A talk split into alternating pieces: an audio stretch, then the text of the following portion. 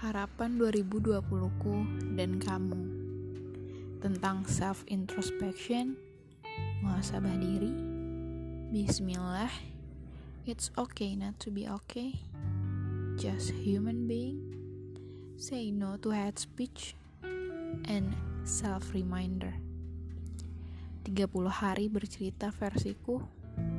Lanjutin gak ya?